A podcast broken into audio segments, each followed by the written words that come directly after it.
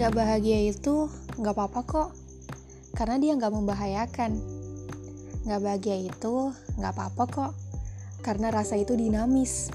Eits, tapi gak bahagia dalam hal apa dulu nih? Gak bahagia yang gak apa-apa itu untuk konsep dalam urusan dunia ya. Misal kita ingin membeli takjil, tapi pas sampai antrian kita, takjilnya udah habis. Lalu apa? Kita nggak akan mati karena kehabisan takjil kan? Mentok-mentok sedih dan merasa nggak bahagia. Tapi tahu nggak sih, justru dengan nggak bahagianya kita bisa menjadi jalan kebahagiaan orang lain. Dengan kita nggak dapat takjil, maka ada orang lain yang dapat takjil.